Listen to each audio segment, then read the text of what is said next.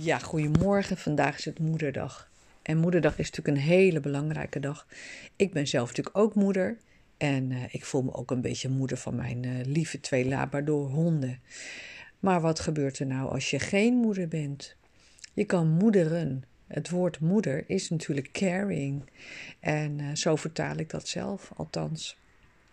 Stel nou dat je helemaal geen felicitaties en geen moeder bent van een fysiek kind, dan kan je natuurlijk moeder zijn. Ik leer uh, mensen vaak het gevoel van de overtreffende trap te gebruiken als ze een uh, verdrietige of traumatische ervaring mee hebben gemaakt. Uh, of dat iemand zich gekwetst heeft. Hè. Dus het is altijd een respons op eerdere ervaringen. Als je kijkt naar bepaalde situaties uh, in verband met uh, het leven uh, of fysiek of kwetsing of verdrietige momenten, kijk dan eens door de spiegel of kijk dan eens door de ogen van de overtreffende trap. Ik vraag vaak aan mijn cliënten: hoe kunnen we dit nou in de helikopterview of vanaf bovenaf aan bekijken? Ik heb zelf natuurlijk ook ervaringen met mijn kinderen. En als ik door de ogen van mijn kinderen ga kijken en mezelf dus als moeder daarboven zet, dan snap ik het allemaal. Maar het overkomt mij natuurlijk ook wel eens, en dat vind ik vervelend, want ja, dat is mijn ego. Die wil natuurlijk eigenlijk helemaal die moeder zijn, die stabiele coach, therapeut, NLP-trainer. Maar ik ben natuurlijk ook een mens en ik zeg dat wel eens tegen mijn kind, uh, tegen mijn zoon, die is nu twintig. Uh, ja, um, ik heb dat en dat gevoel. Vanuit je ik moet je altijd communiceren. En ik ben ook een mens en dat heb ik gevoeld bij die en die situatie. Dan is mijn kind best wel verbaasd. Maar uh, hoe kan je dat nou verder uitleggen? Het zijn natuurlijk triggers. Het zijn natuurlijk momenten in je leven dat jouw kind al wordt aangeraakt. Ook al ben je natuurlijk moeder.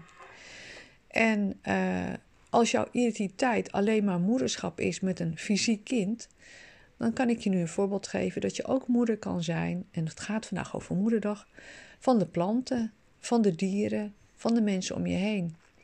Dan kom je in de uh, zelfovertreffende trap terecht dat het je minder raakt. Want als je nou door de ogen van een moeder kijkt, en dat heb ik recentelijk moeten doen, dan denk je ja, ik heb uh, op dat moment niet die troost, uh, niet het fysieke gevoel van hè, mij gewaardeerd en belangrijk en op een of andere manier voelde ik me buitengesloten of uh, eenzaam. Maar dat zijn allemaal ervaringen vanuit je kindertijd. Iets wordt aangeraakt.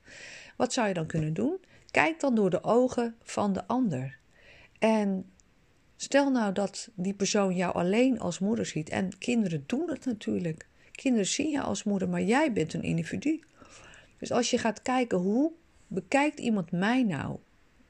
Buiten wat jij dus zelf voelt, dit is best wel ingewikkeld, dan kan je natuurlijk begrijpen van hoe de situatie is.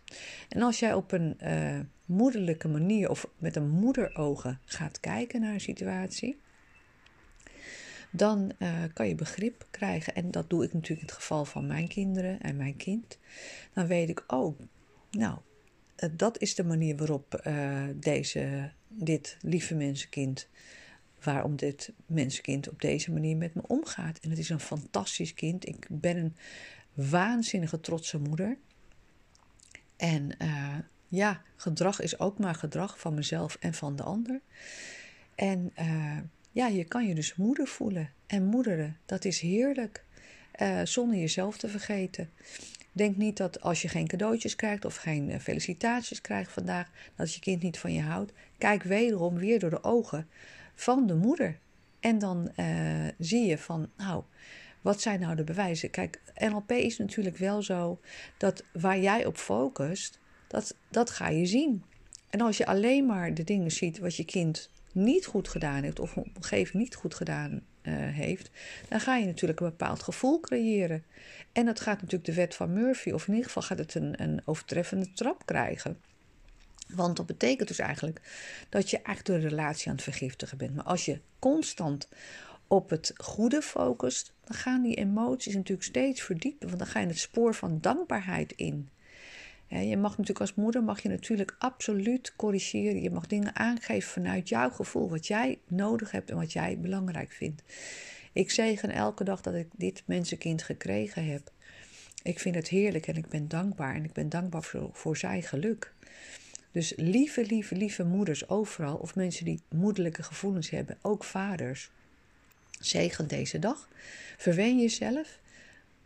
Want als je afhankelijk bent van de ander voor cadeautjes of erkenning, dan kan je heel lang wachten. Uh, geef jezelf de erkenning en de liefde.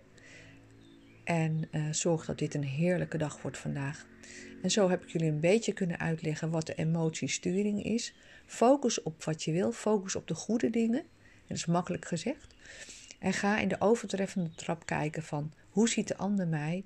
En uh, als je dus vanuit een moedelijk gevoel ook naar je ouders bijvoorbeeld kijkt, kan je ook een moedelijk gevoel uh, erin gaan zetten. Dus welke identiteit neem je op dat moment aan?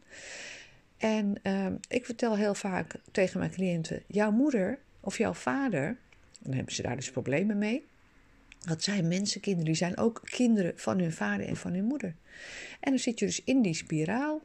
En als mensen beseffen van hé, hey, ik ben nu volwassen, dus wij zijn gelijkwaardig, we zijn alle twee individuen, dan gaan die rollen verschuiven. Dus als jij nou die rollen verschuift, dan krijg je de oplossing voor jouw emotionele onbalans. En zo komen we elke keer een stukje verder. En als er heel veel triggers zijn, dan halen we dat natuurlijk weg via het onderbewustzijn. En dat kunnen we natuurlijk met een neuro-emotionele integratie en een stukje NLP erbij. Uh, we kunnen homeopathie inzetten om de emoties helemaal te sturen. We doen vaak een stukje hypno erbij. En mensen kunnen dat zelf uh, thuis ook nog reproduceren. Als dat gevoel, ingesleten gevoel van pijn of afwijzing er zit, zal je natuurlijk altijd een klein haakje hebben.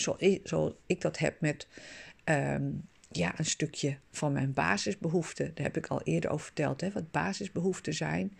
Hè, dat kan zijn liefde, erkenning, respect, waardering, verzorging.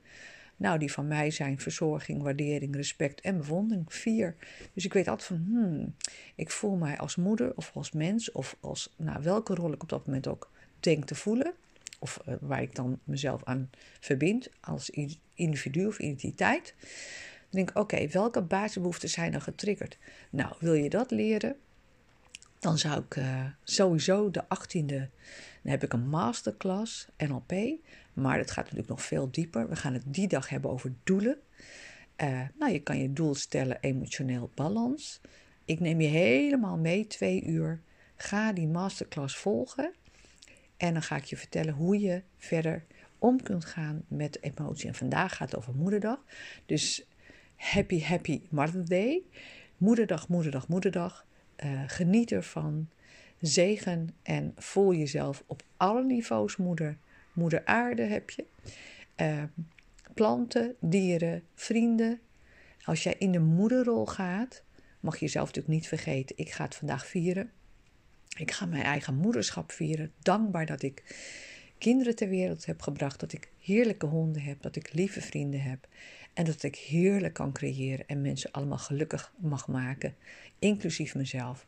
Nou, fijne moederdag en uh, dit was het voor vandaag. Uh, we zijn aan het werk op de website. Dus de andere website www.heresconsultie.com die draait nog. Wil je inschrijven? Uh, kan dat daar. Je hoeft alleen op de knop te drukken en je komt op de registratiepagina. En dan kunnen we een heerlijk webinar met elkaar maken. Fijne dag en geniet ervan.